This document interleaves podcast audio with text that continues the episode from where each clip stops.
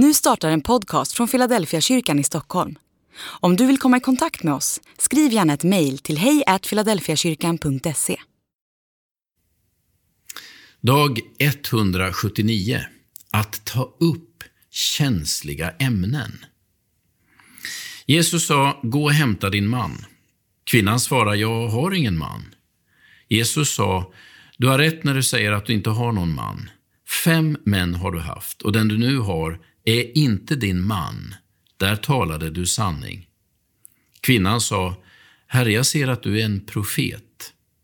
Johannes kapitel 4, vers 16-19. Det är en väldigt kort dialog om ett väldigt stort ämne. Allt som blir sagt om kvinnans relationer står i texten ovan. När kvinnan svarar med att konstatera att Jesus är profet går samtalet bara vidare till geografifrågor och tillbedjan. Man kan väl inte bara droppa en så stor fråga och bara gå vidare? Allt jag har lärt mig som pastor reagerar. Borde inte kvinnans situation leda till åtminstone fem uppföljningssamtal? Och varför har Jesus inget mer att säga om det vi just läst? Jesus har ställt en fråga och fällt ett konstaterande. Det är allt. Sen går samtalet vidare. Nyckeln finns i kvinnans respons. Herre, jag ser att du är en profet. Det är något mer i Jesu ord än bara sanning.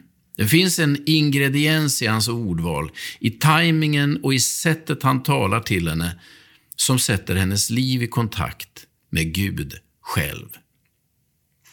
Att vara profet är mer än att förut, förutsäga saker eller se igenom omständigheter. En profet är en brygga mellan himmel och jord, mellan Gud och människa.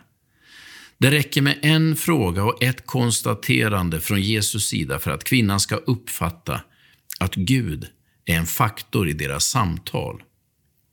Från att hon har varit upptagen av sitt eget och tolkat allt utifrån sina egna struliga omständigheter så uppstår en ny spänning i samtalet.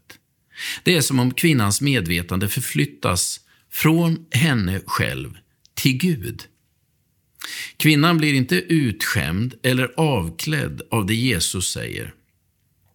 Snarare förflyttas hon från sin egen sjaskiga vardag in i ett andligt kraftfält som kommer att förändra hela hennes framtid.